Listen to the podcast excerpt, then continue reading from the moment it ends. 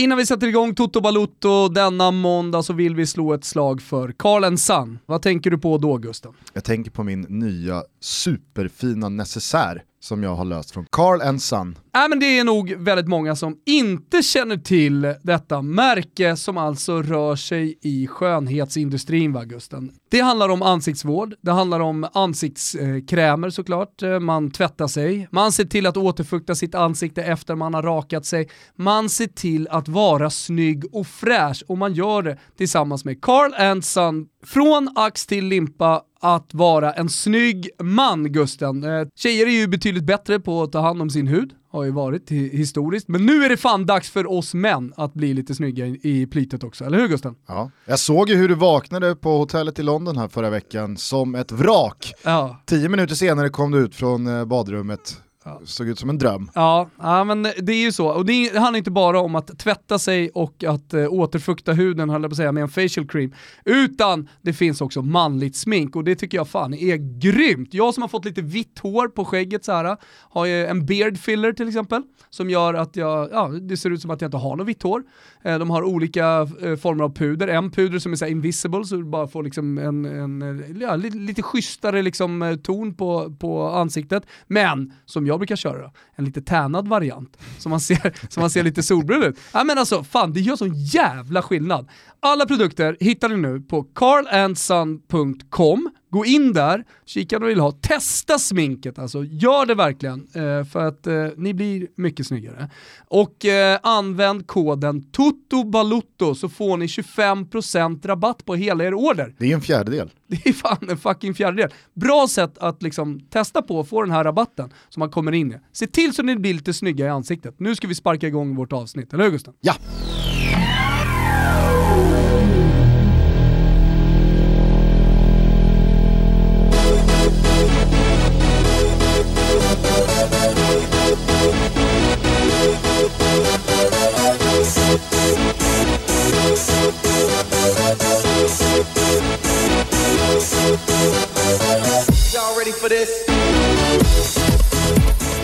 Hjärtligt välkomna ska ni vara till Toto Balutto. Det är måndag den 2 mars och nu är det fullt kaos i Italien. Jag trodde du skulle säga någonting om vädret, liksom att våren stundade eller någonting sånt där. Men du har ju helt rätt, det här är en fotbollspodd, här ska vi inte sitta och surra om vädret. Det är fullt kaos i Italien, du har helt rätt Gustav. Det eh, pratas ju om liksom flera aspekter i detta kaos. Dels då liksom inkompetensen på det italienska eh, liksom förbundet, osynken med regeringen, framförallt hur man kommunicerar. Joey Barone, han fick väl reda på att Fios match mot Udinese var inställd via sociala medier. Ja men typ. Sen är ju han eh, italo-jänkare, så att, eh, det kanske hade kommit någon kommuniké liksom faxad till eh, Fiorentinas högkvarter, vad vet jag, men eh, så, så, så, sägs det. Ja, men parallellt med det här så är det ju många, kanske framförallt då Inter-supportrar i spetsen som menar att det laget som självklart gynnas mest av alla, det är Juventus. Det är en inkonsekvens i att matcher för några dagar sedan kunde spelas inför tomma läktare, men det kunde inte spelas inför tomma läktare igår. Och det kan spelas tydligen i veckan veckan inför supportrar från vissa regioner. Fast nu är det tillbakadraget precis som var det Sampdoria Hellas va? Som skulle spelats inför tomma läktare. Sen så insåg liksom ligan att äh, vad fan, då, då, då fäller vi ju krokben på varför matcherna igår blev inställda. Så vi får skita i den här matchen också. Ja. Eh, är det 26, 27 omgången är uppskjuten. Mm. Inter ligger två matcher bakom Lazio. Inter är kvar i Europa League, möter Getafe här nu i åttondelsfinalen. Juventus har ju ett tufft läge mot Lyon, men man får ju ändå ge dem ganska goda möjligheter att eh, slå ut Lyon, vända ja, på steken. men de brukar ju vända det hemma. Exakt, således så har ju då Juventus, ja men de har semifinalretur mot Milan i Coppa Italia, Inter har det mot Napoli. Eh, Inter ska spela minst två Europamatcher till mitt i veckan, Juventus ska spela minst en. Mm. Förmodligen så går ju något av de här lagen vidare. Mm. Och då så är det återigen då två Europamatcher eh, och datum mitt i veckan som stängs. Inte ja, ligger som sagt redan, mm. ja, men du vet så här, och det är dessutom ett mästerskapsår så det går ju liksom inte att pusha det här, liksom alla in Serie B, in på midsommardagen. Nej, det går inte. Eh, vad, vad, Nej, men det, vad säger, det, pro, säger tidningen här nu måndag morgon? Problemet är ju att man vill liksom stänga ner det här viruset, eller spridningen av det här viruset så fort som möjligt. Eh, och eh, man, förutom fotbollsmatcher så eh, stänger man ju museum och liksom andra typer av e-, evenemang där många människor befinner sig på en och samma plats. Så att eh, det, det, är liksom inte bara fotbollen som är drabbad utan det är ju en to total karantän egentligen i Lombardiet. Jennifer Wegerup har skrivit jättebra om det. Hur förhåller de sig till uh, det religiösa, kyrkor och så vidare? Alltså jag tänker att det är... Ja, också mässor och sånt har ställts in, uh, så, så det, det, det, är överlag karantän liksom som, som råder och i de här orterna som har drabbats mest, typ Codogno och de här. Så ja, men läste jag då Wegerup som hade varit där för SVT och, och liksom stått utanför, de var på väg in mot Codogno, eh, där liksom Carabinieri står och liksom spärrar av. Du måste ha speciellt tillstånd för att ta dig ut och ta dig in. Kör de också den kinesiska hoven? Har du sett den eller? ja, jag har sett. Fånga in en gubbe och ta tempen på honom i pannan. Han kommer liksom i, till en sån vägspärr. Mm. Eh, kommer fram med sköld också, det, det är roligt. Och i, så, total så, outbreak suit liksom. Eh, och så sätter de bara febertermometer, märker att han har feber och då blir det ju livat så inåt helvete. Att den här gubben, han kliver bara ur sin bil, sliter av sig, jag vet inte varför han men, jo, blir men så Han polemisk. gör någon slags motstånd ah, i att säga nej, jag, jag har inte coronat. Jag, alltså, ni kan inte, ni kan inte, ni, ni kan inte ta mig. Jag, jag, jag har någonstans jag måste vara om 20 minuter, ja, så att, lägg ner. Och då, jobbmöte. Då, kom, då flyger sex pers över honom och en fångar honom i en. så jävla roligt, vi lägger ut den sen. Jesper Hoffman spekulerade i att de sänker ner honom 90 meter under jorden. Förmodligen så gör de det. Placerar honom där. Nej men hoven, det, det, det, alltså, det är ju sån jävla rädsla i norra Italien så att uh, hoven kanske kommer vad det lider här. Uh, men i övriga delar av Italien så är man ganska avslappnade, såg intervjuer från Rom bland annat, där är ingen som bryr sig så att säga. Men jag läste också att här, i Sverige så börjar folk det är väl Sefons och gänget där borta som, som håller på och liksom lagrar sina källarutrymmen med, med konserver. Edvard Blom är väl en sån där? Edvard Blom, alltså han sticker ju ner. En sån där. sån där. Nej, men, det, det heter alltså, ju någonting, här, vad, vad, är det det heter? Man är en... Uh, mm, uh, uh, fan är det den heter? Hysterisk? Nej, det, det heter när man är en... Uh, alltså såhär, när man, man, man bunkrar. Ja. Man bunkrar för ja. en slags apokalyps. Klipp där Kim. Skitsamma. Vi ska inte snacka om viruset. Alltså, Nej men jag undrar bara, vad, alltså, vad, vad, säger, vad säger italiensk fotbollsmedia om det kaoset nu som råder? Alltså, det är inte speciellt många krönikörer som skriver eh, om det. Det är inte jättevanligt heller i Italien att man krönikerar med åsikter riktigt på samma sätt eh, som vi gör i, i Sverige.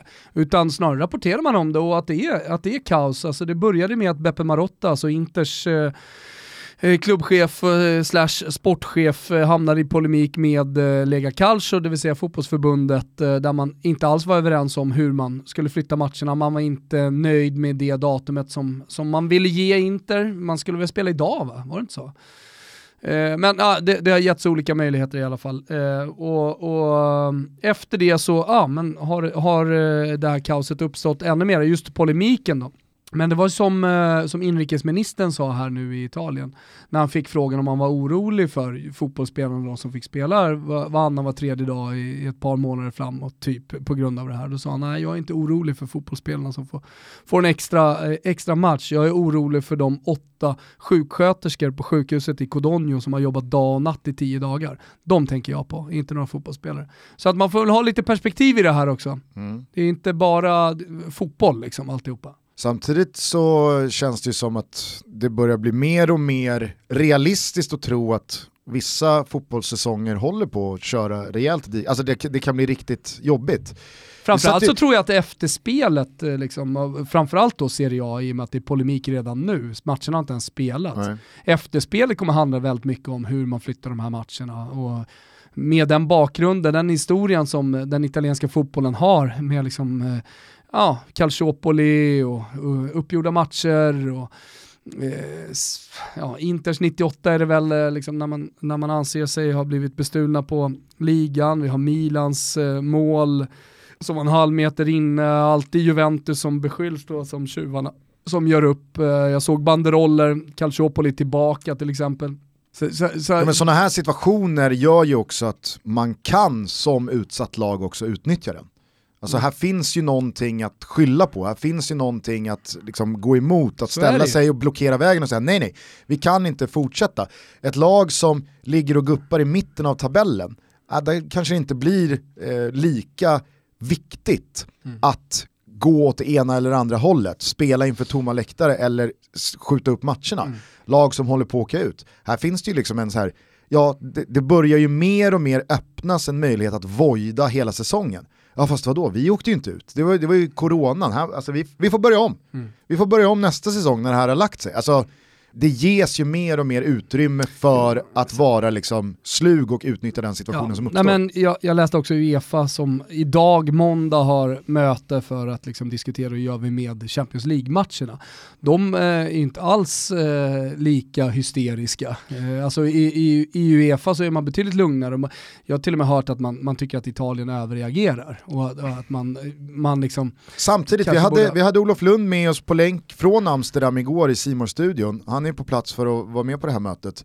Eh, och, och han, han säger ju ändå att ja, men det, det känns som att risken för att både Uefas matcher nu, klubblagsmässigt såväl som landskampen här i slutet på mars, men också EM till sommaren, att risken börjar bli högre och högre för att någon kommer liksom dra i spaken. Jo men det, det, det är så han har tolkat situationen. Jag har också läst jättemycket om eh, liksom, inför det här mötet och hur man pratar.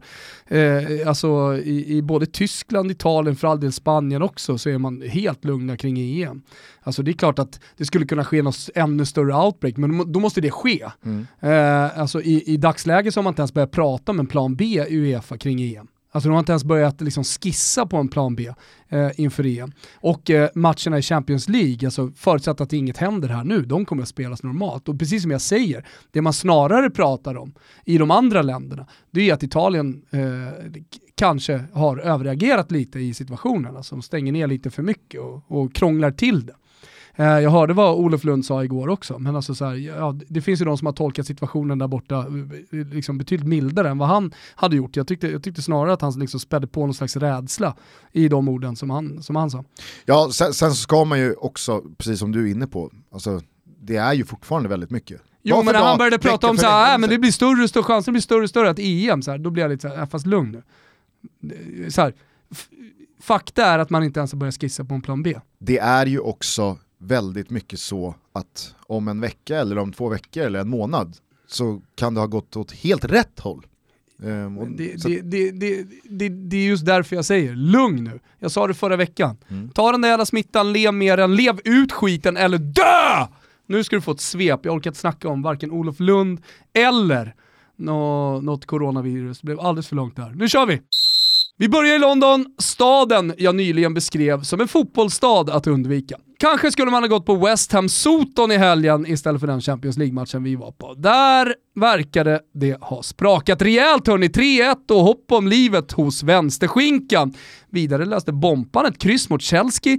Den gudsförgätna fighten i Newcastle, dit Burnley hade tagit sig, slutade föga överraskande. 0-0. Och Brighton, ha, åkte hör och häpna på däng igen. Nu är det alltså två månader sedan Potters grabbar vann en fotbollsmatch. Och hade Massimo Cellino suttit på presidentskapet så hade han varit long gone vid det här laget. Men å andra sidan, tillbaka lagom till påsk. Ja, ja, jag vet vad ni vill höra. 3-0 Watford och eh, om ni hade lyssnat på mästaren, also, also known as Fantomen, så hade ni vetat det innan. Visst, det låg i luften va? Okej, kanske inte 3-0, men det låg i luften.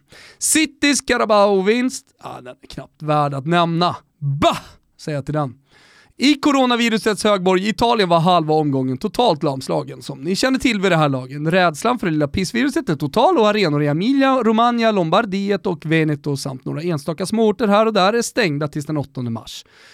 Polemiken när matcherna ska spelas är också total megastrul. Gattuso kallar ligan för falsat och falsk alltså, Inter muckar med Lega Calcio. Klart det skulle bli polemik. Årets lågoddsare. Precis som att Atalanta skulle vinna i Lecce. 7-2, 70 pytsar totalt, 10 fler än Juventus, total mangling. Snart kvartsfinal i Champions League. Äh, men herregud. Vad är det som händer? Vi adderar en riktig holmgång på Sardinien till den här omgången också, där Roma till slut fick in fyra baljer på Robin Olsen. Kvartssamtal med kurvan och kris hos ölaget. Till den italienska omgången eh, ska vi också prata lite om Gattusos nya seg Ytterligare två matcher spelades, Gattuso vann 2-1 och planenligt Lazio Victoria. Summa summarum, vilken väldigt italiensk italiensk omgång vi fick till slut. I Tyskland har man problem med moralen. När ska en match egentligen brytas Gusten? Är det när en lurig president häcklas på läktaren eller när mörkhyade spelare hånas rasistiskt? Man får fråga gänget som var i Hoffenheim och eh, på något sätt deltog i Bayerns 6-0 kross. Ja, 90 för Foppen, småkul. 1 plus 1 för Quaison, mega fett. Nu har han Jadon Sancho, Timo Werner och The Body Lewandowski före sig i skytteligan. Detta alltså i deppiga Mainz, laget som ligger fyra från slutet. Dubbla den jävla siffran i till exempel Dortmund. Quaison, ja, han går mot ett ruskigt kontrakt i sommar.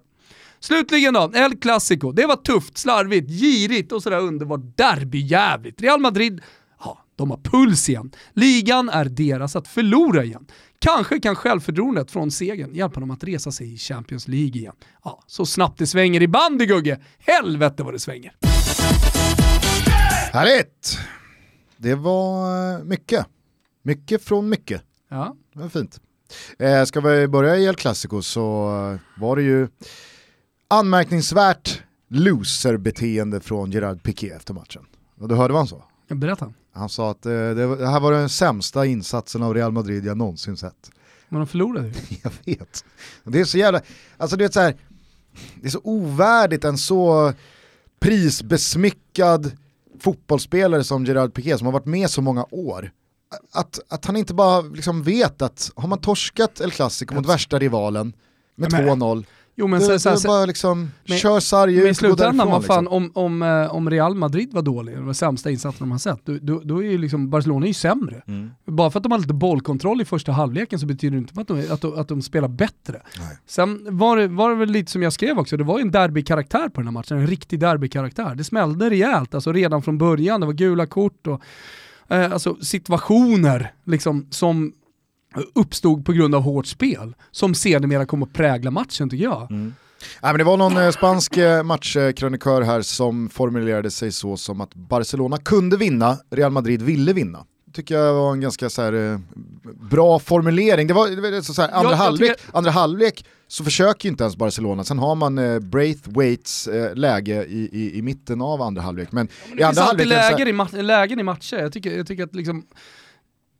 jag, ty jag, jag tycker kanske inte att Zinedine Zidane var ett taktiskt geni och ändrade på matchen i andra halvlek. Men eh, däremot så passade matchbilden mycket bättre i Real Madrid. Alltså just den här matchen i alla fall passade dem att kriga och spela mer fysiskt än, än Barcelona. Absolut, samtidigt som att Barcelona hade ju mycket väl kunnat gå till halvtidspaus i ledning. Jo men så där går ju alltid att säga, men så jävla bra var de inte. Mycket Nej jag, säger inte att de var, nej, jag säger inte att de var jättebra, jag säger att de hade lägen att gå till paus med eh, 1-0. Sen så är det ju ett Real Madrid som kommer ut till andra halvlek och gör det mycket, mycket bättre. Och även fast eh, målet och målen är lite turliga i avslutsfasen så är det ju ett Real Madrid som verkligen vill vinna, går för segern och jag tycker när Laos blåser av så är den ju också välförtjänt. Ja, nej men jag tycker verkligen det. Eh, och det är så jävla roligt för att bara lite som vi- lusigt av Gerard Piqué att stå Ja, där och nej, säga att det var det definitivt. sämsta Real Madrid någonsin Ja, mött. jo, jag har inte hört he hela intervjun sådär, men, men det, det är klart att det är lusigt. Men alltså, med tanke på hur vi pratade inför den här matchen, du och jag har snackat, eh, alltså Real Madrids mörka februari pratade ni om i studion igår. Eh, hur man gick då från att ha matchboll till att förlora den matchbollen, till att ge bort den matchbollen till eh, Barcelona, som då, då hade smashläge. Jag tycker att här, Barcelona borde i, alltså när de är i en formsvacka, Real Madrid, alltså när det är upplägg, när de får den första halvleken, så borde de gå ut i andra halvleken och bara köra. Alltså försöka utnyttja det läget liksom som totalt sett eh, har uppstått med eh, svagt självförtroende hos eh, marängerna, star- starkare då i Barcelona att man har tre poäng upp. Och det tycker inte jag man lyckas med. Man är inte tillräckligt cyniska, man är inte tillräckligt bra, eh, om vi nu ska vara lite så generella. Eh, men men jag, tycker, jag tycker inte att man är tillräckligt modiga heller.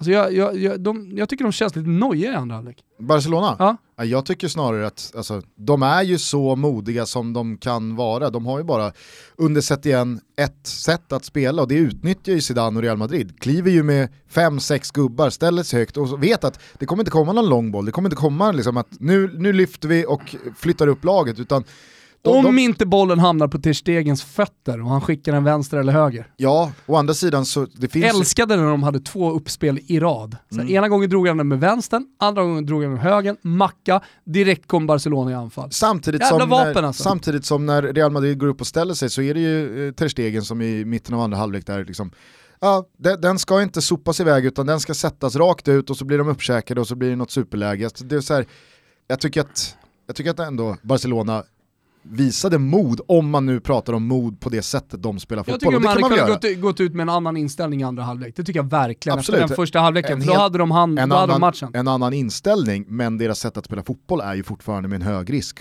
Modigt på Jo. egen planhalva. Ja, det, det, det, det är möjligt. Men eh, eh, jag, jag, en annan grej liksom från matchen är att det är extremt slarvigt. Ja, alltså så här, fan, helvete vad det slås bort bollar. Men jag tror också det är lite på grund av tempot, lite på grund av liksom derbykaraktären som blir på matchen. Mm. Och regnet. Och regnet. Jag tyckte det var kul, alltså i första halvlek, det är ju vissa ytor på plan där det liksom sprutar vatten om bollen när den passas hårt längs backen. Ändå är de där med sprinklers i paus. Ja, ja, Trycker jo, på. Jag såg Frida Nordstrand, hon var nerskickad för att, för att berätta om det.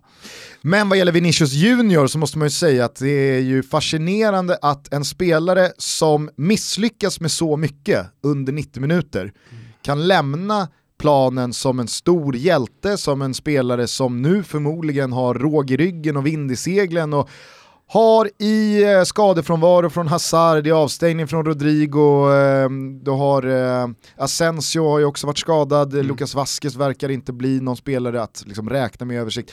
Nu, nu, alltså Bale, hans situation vet ju alla om. Mm. I det här läget så liksom lyckas Vinicius Junior via en deflection på Piqué stärka sin aktie supermycket. Och kanske är det precis det en sån spelare behöver, att nu återigen då våras för. Mm. Sen kan jag ju tycka, jag skrev det igår också, att så här, så här, man, får, man får ju ha med perspektivet att han är 19 år gammal. Alltså det är väldigt många som förväntar sig väldigt mycket av en 19-åring.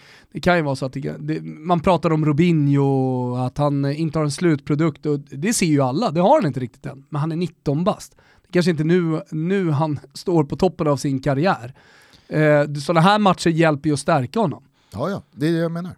Och eh, alltså den, den positionen han har på planen också, att alla förväntar sig hela tiden att någonting ska hända. Allting han gör egentligen i den här matchen är ju bra, alltså det är, det är farligt. Sen så att det är så här ett inspel, precis där på slutet, det man pratar om, slutprodukten inte riktigt sitter. Ja, det, det får, liksom, när det sitter å andra sidan, ja, då, då kommer det bli hur jävla bra som helst. Fast det är väl en definitionsfråga då, vad man tycker är bra. Är det bra att få bollen i en farlig yta bakom en ytterback, där han ska vara, och sen fastna på försvararen, inte hitta en medspelare med passningen eller få iväg ett avslut på mål? Är det, är, det, är det bra för att han har varit i den situationen och att det har varit farligt? Men jag tycker han gör jävligt mycket kreativt hela tiden när han får bollen. Alltså det händer ju någonting när, när bollen hamnar vid hans fötter. Det är ju snarare det jag pratar om än just specifik situation när han inte får in bollen. Alltså så här, det, det, det, det är ju uppenbart i den här matchen att det, det är på Vinicius Junior bollen ska hamna. Det är då det händer grejer.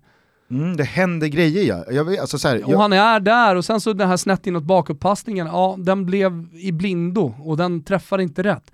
Men återigen, han är 19 bast. Han fan precis börjat spela seniorfotboll. Mm. Sen är det väl skillnad på alltså, att vara 19 i en miljö och vara 19 i en annan miljö. Real Madrid, är det en miljö där liksom man har... Det man kanske har, inte är... Det man, kanske... man, man, man kanske ska ha en annan kravbild i Real Madrid. Såklart det, men det har han ju. Jag menar, bara- jag menar bara att den kravbilden är jävligt, jävligt hög. Jo, det, det ska de väl vara också. Jo, Fan det är Real Madrid, det är Clasico. jo. Håller på att sumpa säsongen. Ja, och han Då gör kan- mål där. Ja, ja, jag vet. Mm. Jag säger bara att när man då missar lägen, man missar passningar, man eh, kommer inte förbi sin spelare. Då, ah, han är 19 Jag, bast. jag tycker att så här, allt snack kring honom är att eh, det, det, det, den gubben har inte. Det, är- det är så jag summerar liksom, eh, allmänna åsikter kring Vinicius Junior. Det är så ni pratar lite i studion inför, det är så vi har pratat i Toto Balutto tidigare också. Nej, jag menar det är bara, inte så vi har jo pratat det tycker jag i- verkligen. Det tycker jag. Vi har här, väl Han har pratat- inget skott, eh, han har dåligt avslut, det händer ingenting när han väl kommer liksom sista tredjedelen. Vi har väl För snarare lite poäng. Vi har väl snarare pratat om Vinicius Junior att han känner stressen och att det är fullt rimligt.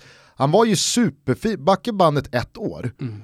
Då, då, kommer ihåg, jag sa ju det, nu kommer vi få se 8 plus 8 från Vinicius Mm. under våren. Sen åker han ju på en skada, om det var ljumsken eller vad fan det var. Mm. Så han missar ju hela våren.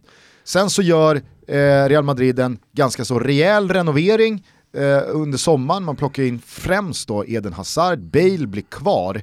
Eh, och sen så kommer då Rodrigo som slår igenom med buller, och bång under eh, tidig höst där i Champions League med hattrick och så vidare. Alltså då satt ju vi här i höstas och pratade om att fan nu, nu är nog Vinicius Junior ganska så stressad. Att nu måste det ske. Och det tror jag också, kanske i en kombination med att han är ung, men att det då blir spöken i huvudet vad gäller just värderingen. Man vill att det ska vara spektakulärt, man tar avslut man inte borde ta, man eh, går för dribblingar man inte det är också borde ta. sånt man lär sig av. Exakt, jag menar bara att jag har ju sett spelare känna den där stressen förut och det har slagit tillbaka mot en så pass hårt att det inte blev någonting. Två fönster senare så är man utlånad eller så är man eh, skeppad till eh, Mallorca. Och eller, det jag menar, jag, är- jag, jag är med på det. Och det, är Deportivo. klart att, det är klart det ska höjas en varningsflagg.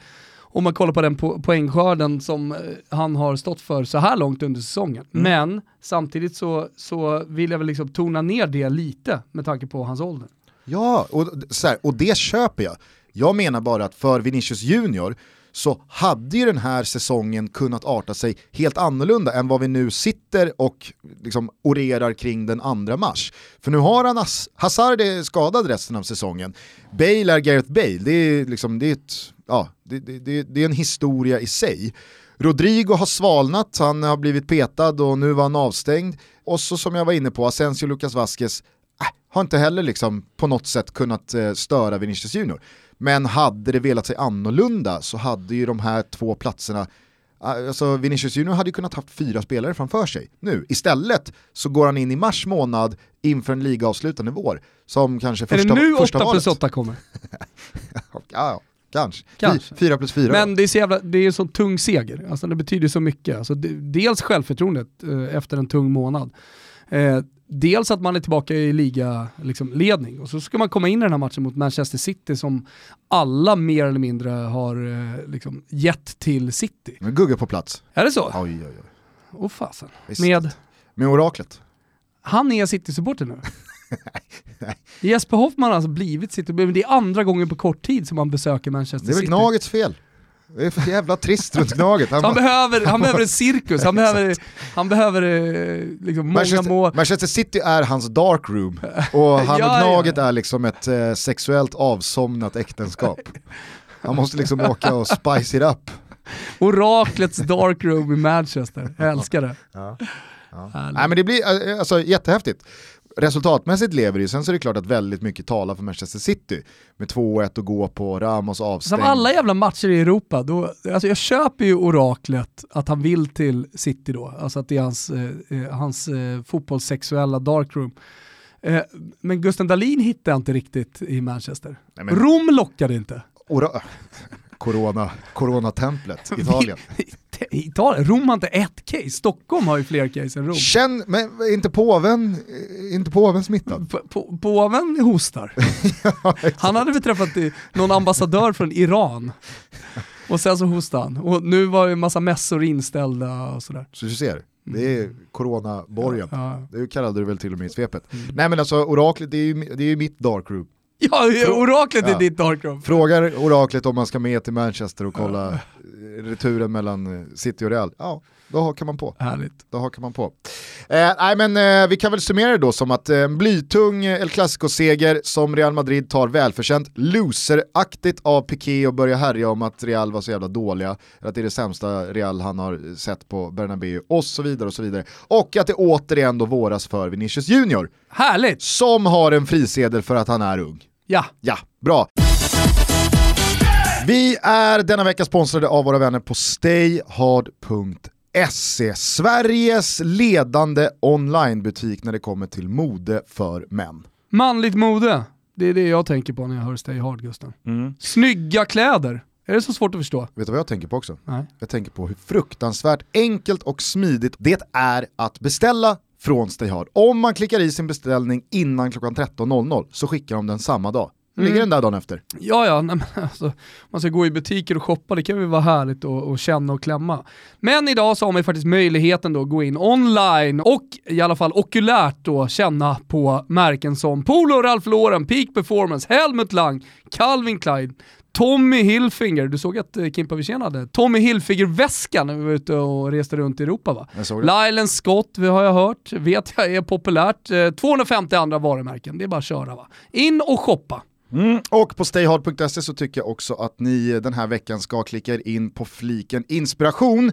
Där kan man nämligen läsa om eh, Terrace-modet som har tagit sig från läktaren ut på gatan. Ja, jag tror ingen har missat det. Det räcker väl med att eh, gå gata upp och gata ner i valfri stad i Sverige så ser man att eh, casual-modet, som jag kallar det för, då, har, har eh, tagit sig från läktaren eh, ut på stan och är ju numera brett. Du snackar om inspiration Gusten. Ja, det finns en rad eh, olika outfits-bilder där att inspireras av. Så att gå in på stayhard.se, klicka in på inspiration och läs mer om detta.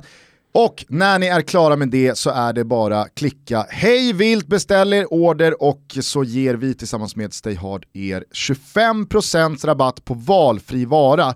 Det här gäller en gång per kund på ordinarie priser till och med 9 mars, så att eh, en vecka från idag måndag Uppge koden 25TOTO i kassan när du gör din beställning. Så att eh, handla nu med 25 Toto så får man 25% rabatt. Vi säger stort tack till Stay Hard för att ni är med och möjliggör den bästa fotbollspodcasten there is out there, Toto Balutto. Stayhard.se, go go go! På tal om eh, loserbeteende, du eh, konstaterade att det var förlorarnas sång på Twitter under lördagskvällen när förlusten för Liverpool till slut dök upp. Eh, mycket riktigt så nämner du här att Ola Fantomen Lidmark Eriksson, din mästare, på tal om Darkroom. Eh, Mm. Exakt, han det är mitt ju, darkroom alltså. Han hade ju i Men det är ett darkroom på riktigt. Mm. Där smackas det på ordentligt alltså. Helvete, där är det kroppsvätskor överallt. Det är bara plasta in hela jävla rummet när jag och, jag och mästaren drar igång. I säsongens första fotbollslabbet så konstaterade han ju att eh, återstående, jag tror att det var 13 omgångar då, 14 kanske, jag vet inte, eh, att det var då 12% sannolikhet att Liverpool skulle gå obesegrade, men att det var favorit på en eller två förluster. Eh, nu var det väl ingen som trodde att det skulle bli Watford, ännu mindre 3-0 Watford, utan det fanns ju snarare då Manchester City borta, på tuffare uppgifter. Men som de torskade, vilken jävla smäll. Eh, och så har ju då vissa med facit i hand kunnat konstatera nu efter den matchen att Liverpool har varit lite på nedgång formmässigt. De har inte sett sådär bra ut. Det var väl så man pratade om Liverpool i inledningen på den här säsongen. De vann utan att briljera. Mm, verkligen, vann Eh, sent. Ja, vann sent. Sen började man briljera också. Man hade ju en helt otrolig decembermånad, även inledningen i januari, men alltså, man pikar ju någonstans strax innan jul när man skinkar på eh, Leicester med 4-0 på bortaplan. Då var det ju, alltså, det var nog den bästa insatsen man sett Liverpool göra. Sen så har det ju varit, alltså, jag kommer ihåg matcherna mot Southampton för några veckor sedan på Anfield, där är det ju liksom ett Southampton som ska leda med kanske både ett och två mål innan Liverpool går ut i andra halvlek och, och, och manglar dem. Eh, West Ham störde dem rejält, eh, Atletico Madrid brottade ner dem, hade väl inte ett avslut på mål i Madrid. Och sen så nu då så vinner ju Watford eh, ytterst välförtjänt. Sarr står för eh, briljansen, Troy Dini står för musklerna. Sen så, alltså, jag, jag tycker inte man ska hänga Dejan Lovren för mycket personligen, men det är ju anmärkningsvärt. Jag såg någon eh, som twittrade ut att van Dijk har alltså fem ligaförluster sen han anslöt till eh, Liverpool. I fyra av dem har han bildat mittlås med Ja. Lovren. Det kanske är, jag kan, jag kan inte liksom bryta ner det här, jag kan inte värdera den statistiken, men det är ju någonting i alla fall. Det är ingen slump, Nej. så, så, så mycket kan jag ju säga. Sen så är det ju en offensiv i Liverpool den här matchen som precis som tidigare uppgifter eh, senaste veckorna, har varit ganska trött. Det har varit mm. betydligt färre avslut på mål, det har varit betydligt färre kombinationer där det bara liksom flyter som det har gjort tidigare. Om det är att eh, lag eh, vet vad de ska göra bättre eh, i sitt försvar gentemot Liverpool, eller om det är Liverpool som har ja, kört fast lite, tröttnat eller eh, inte riktigt har dagen. Det, det, det är inte mitt öga rätt att svara på, men det var ju det var inget snack om saken. Jag tror dock att den här förlusten kan göra underverk för resten av Liverpools säsong. Det tror jag verkligen, för att mm. vare sig de vill prata om det eller inte så tror jag att den här nollan, det här vinstrekordet, eh, den otroliga poängskörden som man har varit... Överlägsenheten i ligan. Ja men exakt, Nej, men just det här invincible-grejen, den har nog tagit en del energi och tankeverksamhet från både spelare och ledare och inte minst supportrar, även fast de säger men det viktiga är att vinna ligan. Ja, det är klart att det är.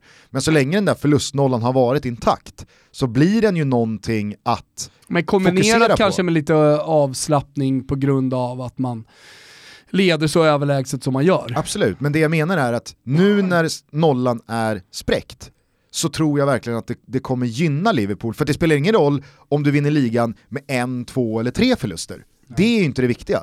Det är ju, antingen så gör du obesegrade, mm. eller så är det skitsamma. Då kan du lika gärna vinna ligan med 8 poäng eller 15 poäng. Det, ingen bryr sig. Så nu tror jag att Liverpool kan släppa det där, jag tror att de kommer ställa ett jävla bra lag på, på benen här nu mot Chelsea i FA-cupen och gå för den titeln också. En kupp man har försökt liksom åka ur tidigare under säsongen.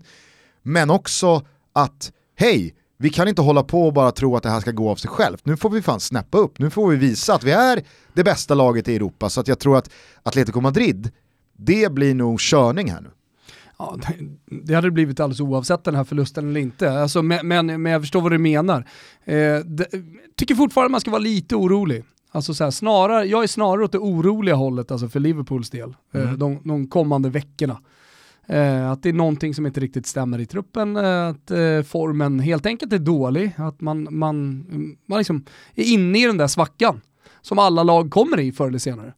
Och eh, då är det, som du säger, då är det viktig match i FA-cupen. Ligan, ja, den håller jag fortfarande som avgjord såklart. Eh, men Champions League-retur då, när man har torskat 1-0 borta mot Atletico Madrid.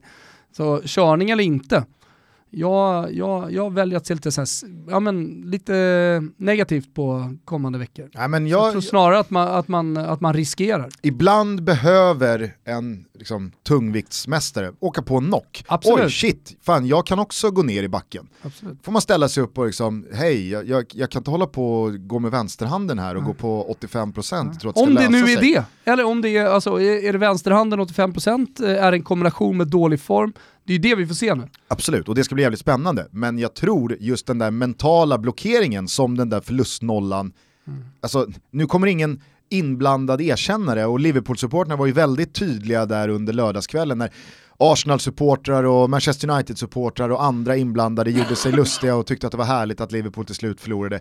De var ju väldigt tydliga med att påpeka att förlustnollan har aldrig spelat någon roll, det viktiga är alltså, så här, mm jag, jag, jag, tror, jag tror, alltså, så här, i slutändan så jag tror inte det spelar så jävla stor roll. Varken för spelare, supportrar eller, eller ledare. Jag, jag, tror, jag tror vi över, övervärderar den eh, och alla som pratar om den också. Eh, det jag skrev var ju tämligen torra Invincibles-hån, felstavat, mot mästarna Liverpool är förlorarnas sång ikväll. Det var det, så du inledde det här mm. snacket. Mm. Och jag menar, jag menar ju att de var torra. Och när, när, man, när, när, man dessutom då är supporter till typ City, eh, som eh, då ligger jättelångt efter i ligan. Liverpool vann Champions League förra året, det gjorde inte City. Ja, de vann ligan, men ändå. Alltså om man tar det från Champions League-finalen så är det ju Liverpool som alla snackar om. Eller, ja men så här, Arsenal, det, det, är väl, det är väl ett jävla förlorargäng 2020, eller? Ja, det får man säga. Va? Ja. ja. Utslagna i Europa League några dagar tidigare. Jag menar bara så här, jag är med på hetsen, jag är med på hånen, men för en för att förlustnollan är borta och liksom de monumentala hånen alla supportrar till andra Premier League-lag, eh, till och med officiella konton, liksom, skulle komma in med. Det är inte så att de förlorar ligan, de förlorar en Champions League-final, alltså någonting stort. Det är en fucking jävla förlustnolla som försvinner. Och, och, och när, när då supporter till riktiga, riktiga losergäng. Alltså som mår riktigt dåligt på riktigt. Alltså nu snackar vi inte om någon jävla nolla, kommer in och liksom ska göra sig lustiga på ett dessutom så här, jävligt trött, tråkigt Twitter-sätt. Jag såg några som var roliga, de köper jag. Mm. Alltså, men, men det var ju så många torra. Men eh, det, var ändå, det är ändå roligt att man, att man då får Arsenal-supportrar på sig. Liksom, men jag köper ändå att Arsenal-supportrar gladdes åt det här. Alltså, ja, alltså, de, det skrev de, jag att de efter. kan zooma jag kan ut ändå från att köpa, okay, vi, vi har inte vunnit en titel på tio år, vi är skit, vi mår dåligt, vi ligger i mitten av tabellen och har typ samma poäng som Burnley. Ja. Alltså det blir jävligt lusigt. Men, men, de är å andra sidan också den enda klubben som kan stoltsera med en invincible säsong och om inte Liverpool, alltså det här City under Pep Guardiola har inte gått invincible. Det här Liverpool kommer nu inte göra den här säsongen. Jag ger dem betydligt sämre möjligheter att göra det nästa år om de nu inte gjorde det den här säsongen. Mm. Och då är det så här, då får ju Arsenal vara Nej. fortsatt ensamma och, om den här fantastiska bedriften. Så därför Arsenal, köper jag, exakt, jag köper ändå Arsenal Och jag skrev det efter också, alltså det som fick mig att verkligen reagera efter att ha sett massa, det var ju typ City-supporten Petter Landén som sent på kvällen skulle göra sig lite lustig över det här. Alltså förstår du vad jag menar? Gary Neville poppade en champagne. Ja men sen, vänta, vänta här nu. Manchester United, ska ni snacka nu? Vad har ni Alltså Arsenal-supportrar, jag köper det. Jag köper Pew, liksom från, eh, eh officiella, från, officiella, från officiella kontot. Men, men, men, men som sagt, Manchester United-supportrar som poppar champagne, mm. Gary Neville, vad sätter ner gubben? Va? Men jag såg någon rolig tweet mot Arsenal-supportrarna det var någon som hade skrivit, eh, formulerat det så här att Liverpool-supportrar, that night in Istanbul, Manchester United-supportrar, that night in Moscow, Chelsea-supportrar, that night in uh, Munich, alltså mm. refererar tillbaka till när en av Champions League-segrarna och så vidare. Arsenal-supportrar, that night when Watford beat Liverpool. att, att, det är liksom, jo, men, nu kör vi boys! Ja, men det, det är ju en rolig tweet, den ja. har jag inga problem med. Men, men du förstår vad jag menar. Ja, jag Sen orkar man inte hålla på och förklara, man slänger ur sig någonting liksom, så på Twitter, sen så bara total outbreak coronaviruset över hela, hela flödet. Mm. Men det är 97%-regeln som eh, även gäller tills vidare. Skjut er själva i huvudet, eh, låt de 3% leva vidare och ta hand om den här jorden. Och du tillhör alltså de 97? Jajamän. Om jag säger jobb, vad säger du då? Randstad! Vilken dålig takt du hittar. Ja, men jag tänkte att jag skulle köra Randstad, Randstad, Randstad. Är du med? Jag tycker fortfarande det är dålig, dålig ah. takt. Om, om jag säger jobb, vad säger du? Randstad! ja, men om du ska vara capo så får du ju liksom leda mig in på takten. Du gör det ju inte. Fast någon gång som capo så måste man ju släppa över taktkänslan till läktaren. Ja, ja, ja. ja budskapet är framme hörni. Randstad, det är stället ni ska söka er till om ni ska söka jobb, men inte bara Gustav.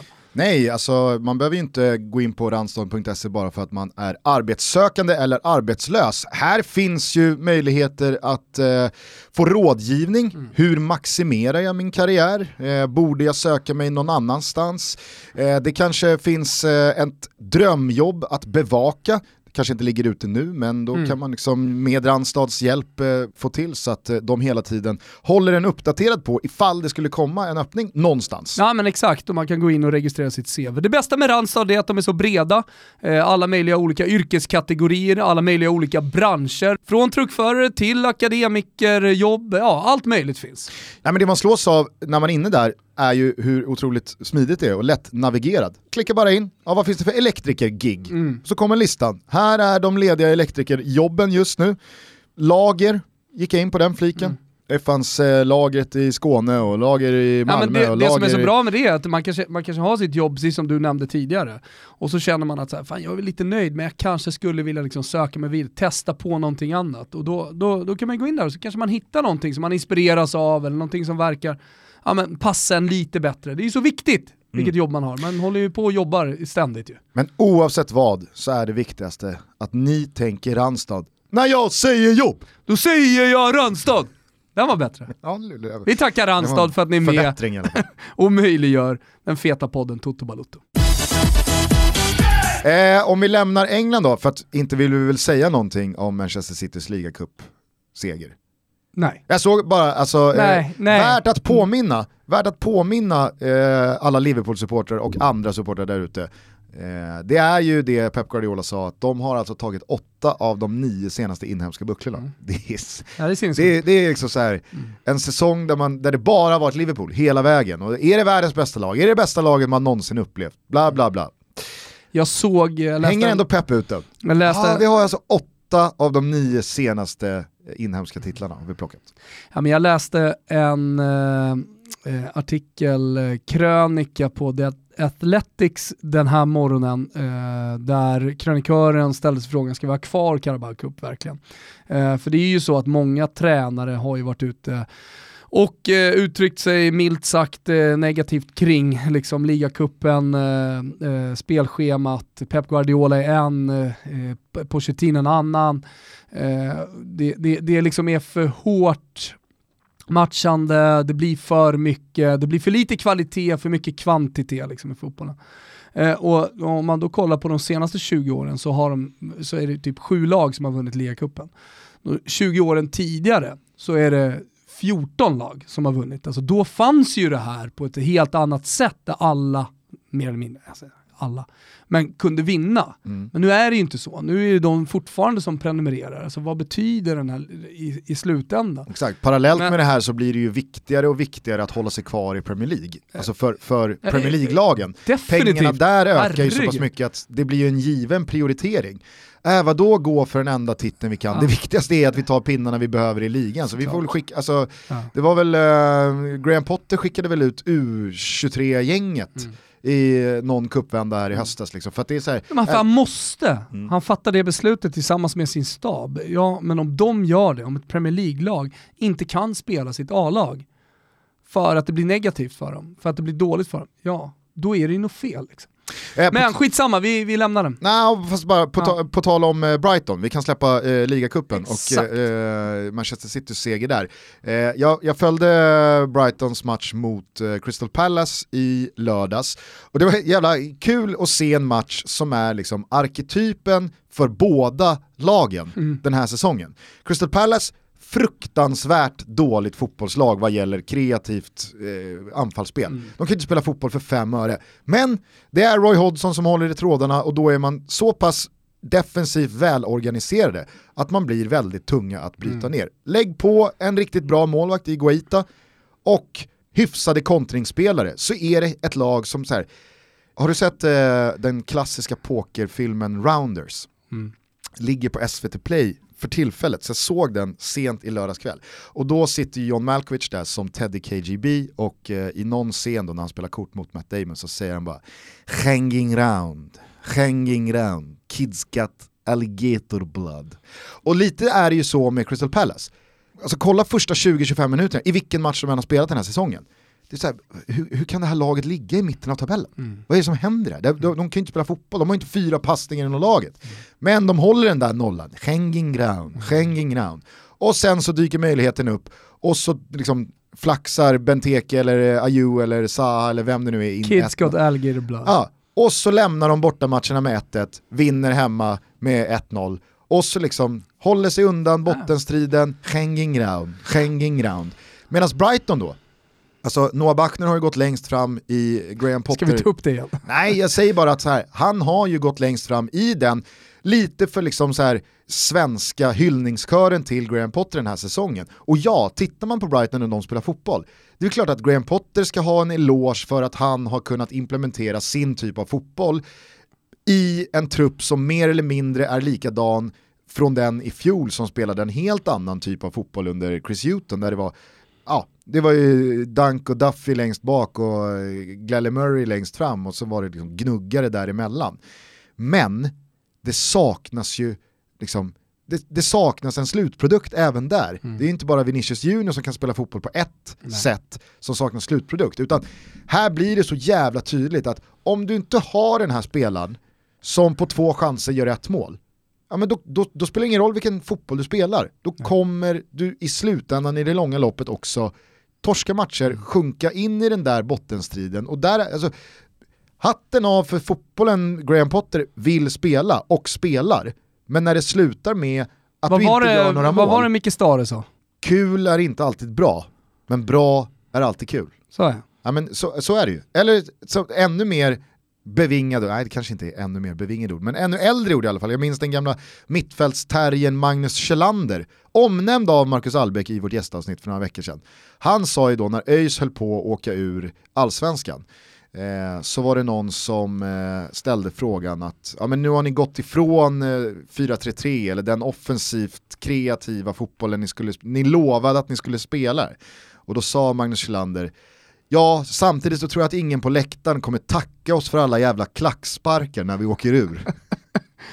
Och det stämmer ju. Ja, och det är liksom, Mm. det är, så går det ju att summera också. Jag vill inte, alltså så här, återigen, jag vill, inte, jag vill inte slasha fotbollen Graham Potter försöker spela. Nej, det är tydligt. Den är beundransvärd. Men jävlar vad jag kan bli glad när jag såg den här matchen i lördag så kände jag så här, öppna bara plånboken för en anfallare som i boxen behöver två lägen och på det gör ett mål. Mm. Varje match. Då hade Brighton haft 20 poäng ner till eh, nedflyttningsplatserna, helt övertygad. Men nu har man liksom så här, Mopey, nu har man Gle- Glenn Murray på avbytarbänken, man har Jahan Baksh. Alltså det är så här, jag är ledsen men det, det, det är för, dålig, det är för Det dåliga inte. strikers. Nej. För dåligt. Och det kan man ju inte klandra Graham Potter för. Jag, han är väl manager? Ja, han kanske, jag vet inte vad han har för, för chef över sig. Nej. Alltså så här, han, han kanske borde inse att vi behöver en anfallare som, gör, som bankar 15 mål Mm. på 40 avslut. Och det kostar. Mm. Det kostar. Hur eh, ser du på det som hände i eh, Hoffenheim, mellan Hoffenheim och Bayern München? Ja, men, vi får ju recappa det lite så att alla är med på det, för att eh, det var lite rörigt tycker jag ändå, hela situationen. Mm. Banderoll på läktarna mot, Dietmar Hopp, exakt, Hoffenheims ägare, ordförande, Mm. president. Som eh, tullar lite på den här 51% procents regeln. Mm. Alltså är han majoritetsägare eller är han inte det? Alltså hur, hur skjuts in pengar, hur hanteras klubben? för eh, att göra en liksom, snårig historia kort, det är lite Ryssholm i AFC-läge. Ja, ja men det, är- det är väl bra förklarat. Mm. Eh, lite mer komplicerat men ändå. Mm. Banderollen mot honom då, eller hur? Ja.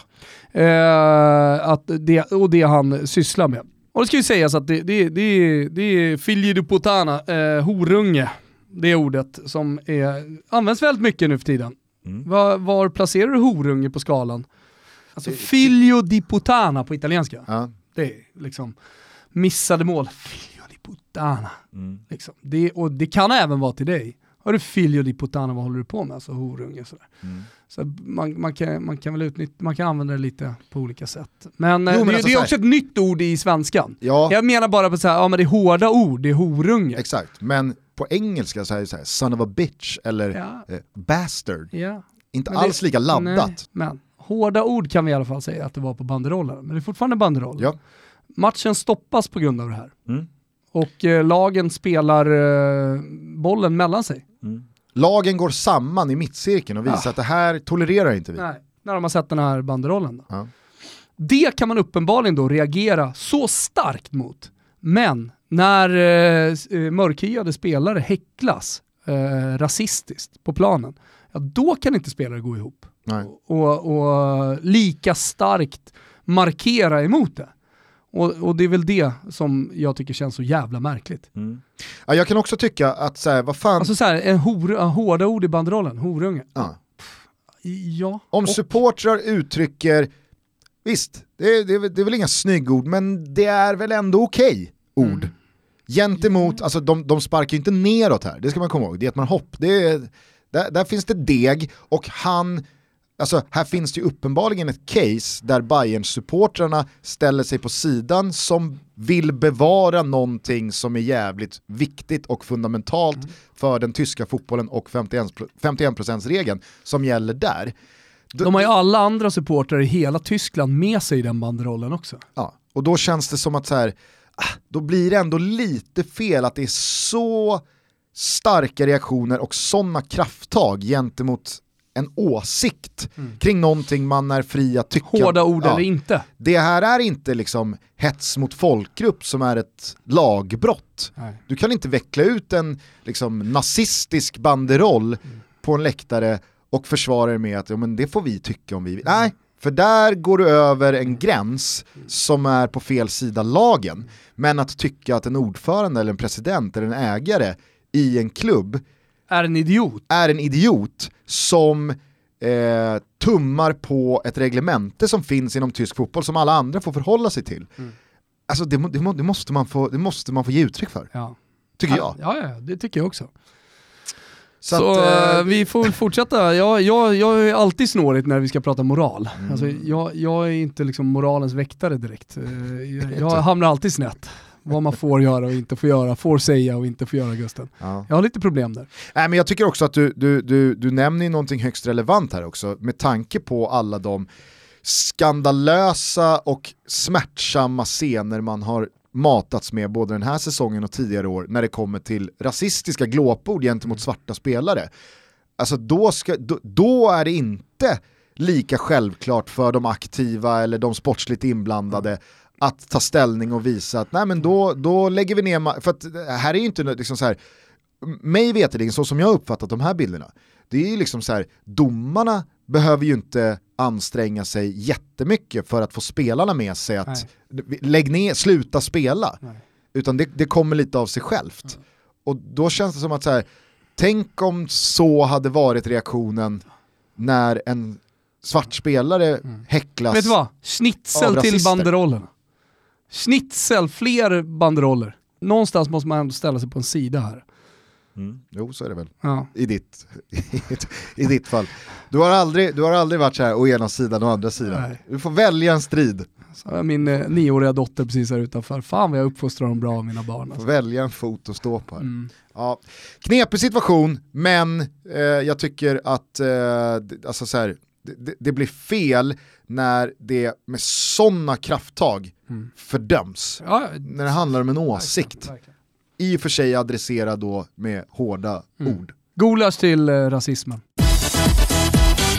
Svenska kuppen går in i ett eh, jävligt viktigt läge där stora lag har chans att åka ur. Man ser det på Simor Gusten. Mm. AIK bland annat hemma mot Kalmar. Kalmar har de 8-0 på två matcher, AIK har ja. 2-1 på samma. Nej, 3-2.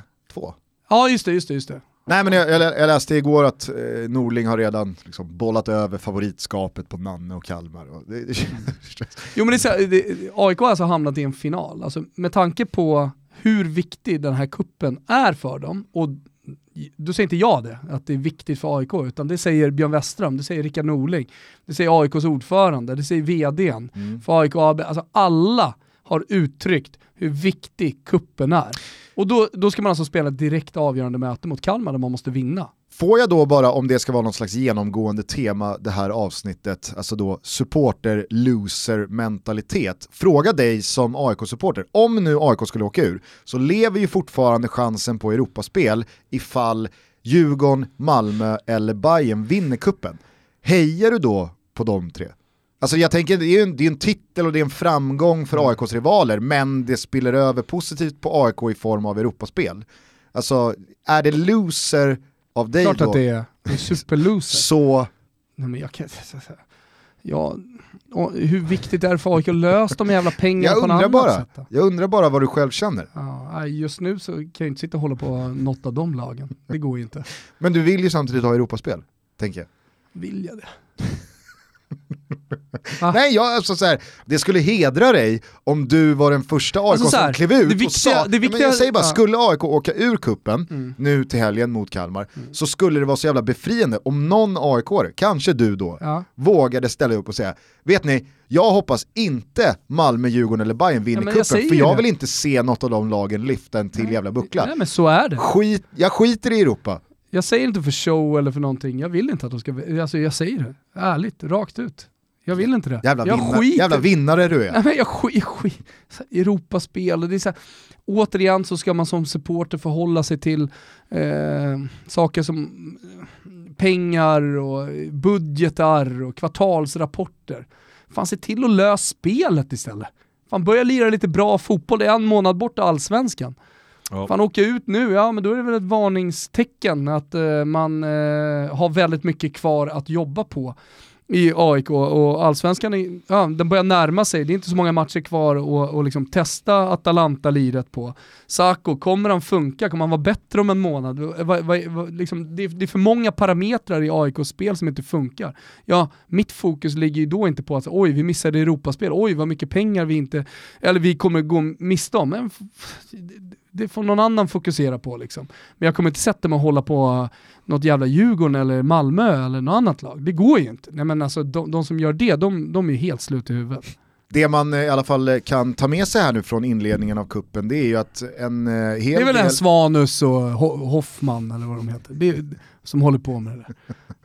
Ja. Ja, kvartalsrapporter mm. sitter de och läser. Det jag i alla fall har tagit med mig här från inledningen av Svenska Cupen det är att det var väldigt väntad liksom, back to reality för Malmö FF efter uttåget mot Wolfsburg i Europa League. En sån krampaktig uddamålsseger från blåshål till idrottsplats, superväntat. Men det är det som är det här, alltså lagen är inte i säsongen. Visst, det, det, det är tävling, det är kupp, mm. det må vara viktigt för AIK, men de, de är inte klara. Noterar också att Östersund verkar inte speciellt eh, brydda eh, ute på plan över eh, det som sker eh, utanför den. Slakta på, Häcken trummat igång, Norrköping mår så dåligt som alla liksom så här införrapporter och känslor och expertutlåtanden har gjort gällande. Torskar man mot Tvååkers, alltså ja, jag, ja. Jag vet inte riktigt. Jag såg någon fyndig Peking-tweet här. Eh, Vem hatar Europa mest? Boris Johnson eller Jens Gustafsson? det var en liten poll, ja, fick man rösta.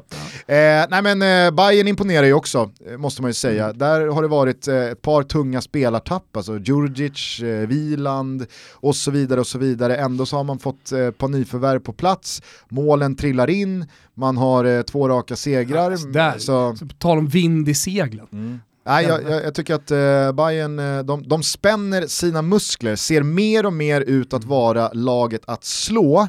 Jag vet, Djurgården, regerande svenska mästare och så vidare, imponerade i alla fall offensivt i första matchen mot Dalkurd. Ikväll spelar man första matchen utan då Marcus Danielsson. Eh, Karlström har fått binden. Och det där tycker jag, jag vet inte hur mycket vi hann beröra det i förra veckans avsnitt där när vi ändå snackade om Danielssons exit. Jag tycker ändå att i, liksom så här, i skuggan av den fantastiska affären som Bosse och Djurgården löser. Alltså det är enorma pengar både för Danielsson och Djurgården. Allt superbra. Men det är ju också ett jävla tapp. Alltså det får, det får man inte glömma. Det är inte, det, alltså, det är inte Tino Kadewere som försvinner för stora pengar som inte var byggstenen nummer ett i själva laget. Utan det är lagkaptenen, det är mittbacken, det är en landslagsmässig mittback på alla sätt och vis. Målfarlig, spelskicklig, otroligt bra i försvaret. Alltså det, det blir jävligt spännande att se hur Djurgården hanterar det här tappet. Sen så tror jag också att... Det är Återigen, att det är försäsong. Ja, det är en månad kvar innan eh, saker och ting börjar. Kul att följa. Ja. Vi kan möta dem. Eh, Sandviken borta ikväll va? Ja. Är det det som ska bli kul att följa då? Hur hanterar de Marcus Danielsson borta mot Sandviken borta? ja. ja, jag tycker det är halvkul. Jag måste säga, det är en plus kul. Nej, du får Men tänka... du tycker, du, du tycker 4 plus kul med Djurgården borta mot Sandviken. Hur hanterar de det här med ja, landslagsbacken jag, jag borta? säger bara att det ska bli Fan, kul kan ju sätta in en P, P09 i, i det där laget. Wilbur José kan kliva in och stänga. Du och Une. Wilbur José och Une på mittbacken. Står och stretchar ut krampen efter 10-12. Ja, nej, men eh, se fortsättningen av Svenska Kuppen på Simors kanal. Vi hoppas att man också ser Serie A-fotboll vad det lider, ja, men eh, det är i alla fall La Liga som rullar på till helgen så mm. har vi Barcelona Real Sociedad. Mm. Det börjar bli dags för Isak va, att äh. trycka in en, en påse. Såg ju så jävla fin ut när vi var där. Ja. Det kändes som att det bara skulle manglas på. Sen kan jag tycka också, Eh, vad heter han, coachen i Real Sociedad? Alguacil. Eh, exakt, Alguacil. Eh, jag, jag, kan tycka att det är lite trött att hela tiden eh, liksom, konsekvent hålla på att byta ut eh, anfallare i 60 minuten. Alltså, det, jag tyckte det var ybertydligt förra matchen att Isak var på gång in i den matchen. Mm. Fan, han hade gjort mål om han hade fortsatt. Vet du vad... bara kom närmare och närmare, sen bara, ah, oj då, helvete klockan slog 60, Isak måste ju ut ja. Vet du vad Alguacil håller William på att hamna? Wilburs brorsa ska in. Vet du, vet vart Alguacil håller på att hamna? Eh, nej. Han håller på att hamna i Lasse Lagerbäcks gamla Kim eller Anders-fälla. Ja. Där, alltså där alla blir förlorare. Alltså när man startar med Kim Källström, ja, då blir han så jävla stressad, ja. på tal om då att känna stressen. För då sitter Anders Svensson på bänken, redo att hoppa in i 50-50. Hur många gånger i andra måste... halvlek kollar Alexander Isak upp mot klockan? Ja, men det är det liksom. jag menar. Alltså, och minns hur det var de där åren i landslaget. Mm. Kim Källström började ta skott från 35-40 meter, han skulle liksom ha bollen jämt. Det var så jävla dåliga beslut, för han visste, jag måste vara bäst på plan, annars blir jag utbytt i 57 mycket riktigt, varje gång. 57 mm. in med Anders Svensson. Ah, så gör Anders Svensson mål för att han kommer in, han blir den som liksom så här, hej, här kommer jag in, jag kan spela utan press. Mm. Gör mål, ah, då byter man plats på dem till nästa startelva och så var det omvända roller. Anders Svensson liksom, ah, känner stressen, Kim Källström står och trampar vid sidan om. Jag, jag upplever lite samma sak, jag satt och kollade La Reals match eh, i, i fredags där och alltså, det, det, det är så tydligt att liksom man ser hur Alexander Isak liksom känner frustrationen när han ja, inte får passningen. Ja. Fan, här landade det där inlägget på eh, Adnan Januzaj istället. Alltså, mm. De gör ändå 1-0, bryter dödläget, går upp på tredjeplatsen när man gör det där målet. Ändå så tycker jag ändå se på Alexander Isak, det är ändå lite såhär, helvete det var inte jag som gjorde det. Nu är det. Nu är det bara att kliva av, för att han har ju också sett att William José har trampat igång uppvärmningen och att västen är av. Mm. Mm. Ah, ja. Eh, se allt detta via Simors kanaler. Eh, väldigt roligt eh, att sitta i den där studion måste jag säga. Tack till alla som hör av sig med eh, fina tillrop. Mm, gör ni bra. Ska vi sätta ihop en liten midweek-trippel kanske borta hos ja, det... Eh, Betsson? Det är FA-cupen. Det är FA-cupen, det är Coppa Italia. Eh, Eller? jo, det... Vi får väl se. Ja, vi får se. Men, jo men det, det, det ska det vara. Ja, det ska vara det. Det ska det vara. Det är retur Juventus-Milan och Napoli-Inter. Ja. Öppna möten. Öppna möten, alla med eh, hyfsade möjligheter att nå den här finalen. Så är det. Cupfinalen som eventuellt blir droppen som får matchschema-bägaren att rinna över. Ja, exakt. Det blir en kul vecka Gusten. Det blir en rolig vecka. Håll ögon och öron öppna via våra sociala medier så missar ni inte vad vi sysslar med borta hos våra vänner på Betsson.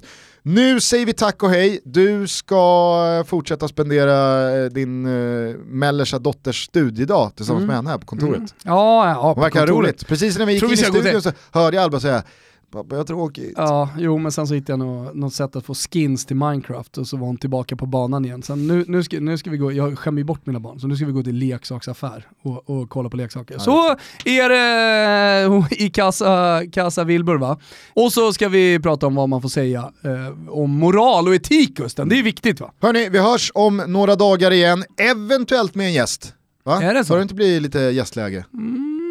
Det kan vara Svenska säsongen närmar sig, eller i alla fall allsvenskan och så vidare. Och så vidare. Ingen ja. trött spelare bara. Nej. Nej, vi, vi hittar något. Vi hittar något kul, eventuellt. Eventuellt. Har vi, har vi inte stängt den dörren. Eh, ha det bra hörni. Ciao tutti. Vi hörs. Ciao tutti. Allt jag behöver är bara en bit från time T. Även om det är brunbredd, det är lugnt jag går förbi. Har en känsla av att något är på G, låt mig se. Vad fan är det som händer här i våra små kvarter? Ni vet väl vem jag är, jag kallas Kenny, ganska soft. Legend här i hiphop, men känd för mina brott. Spottar ut en åttonde för varenda liten kottebre. Spänner tillbaks hanen, laddar upp ett skottbre. Jag är en riktig getto-romantiker. Svär på mina barn att det jag sagt är bara sanningen. Glöm varenda ord som de haft. I tidningen så står det bara att Ken han är fast. I droger, hash, kokain och missbruk. Men om det var sant så skulle allt väl vara slut. Upp med tummen här för snubben som vill kutta ner på gubben kompis. Ja, ja, vi tar dem ner till slum. Om du kommit in på klubben med en fet jävla brud. Bara lugn. Tror du att du vet men vem fan är du? Bara lugn, bara, bara, bara lugn. Bara, bara, bara, bara lugn. Bara lugn, bara lugn, bara lugn. Om du kommit in på klubben med en fet jävla brud. Bara lugn.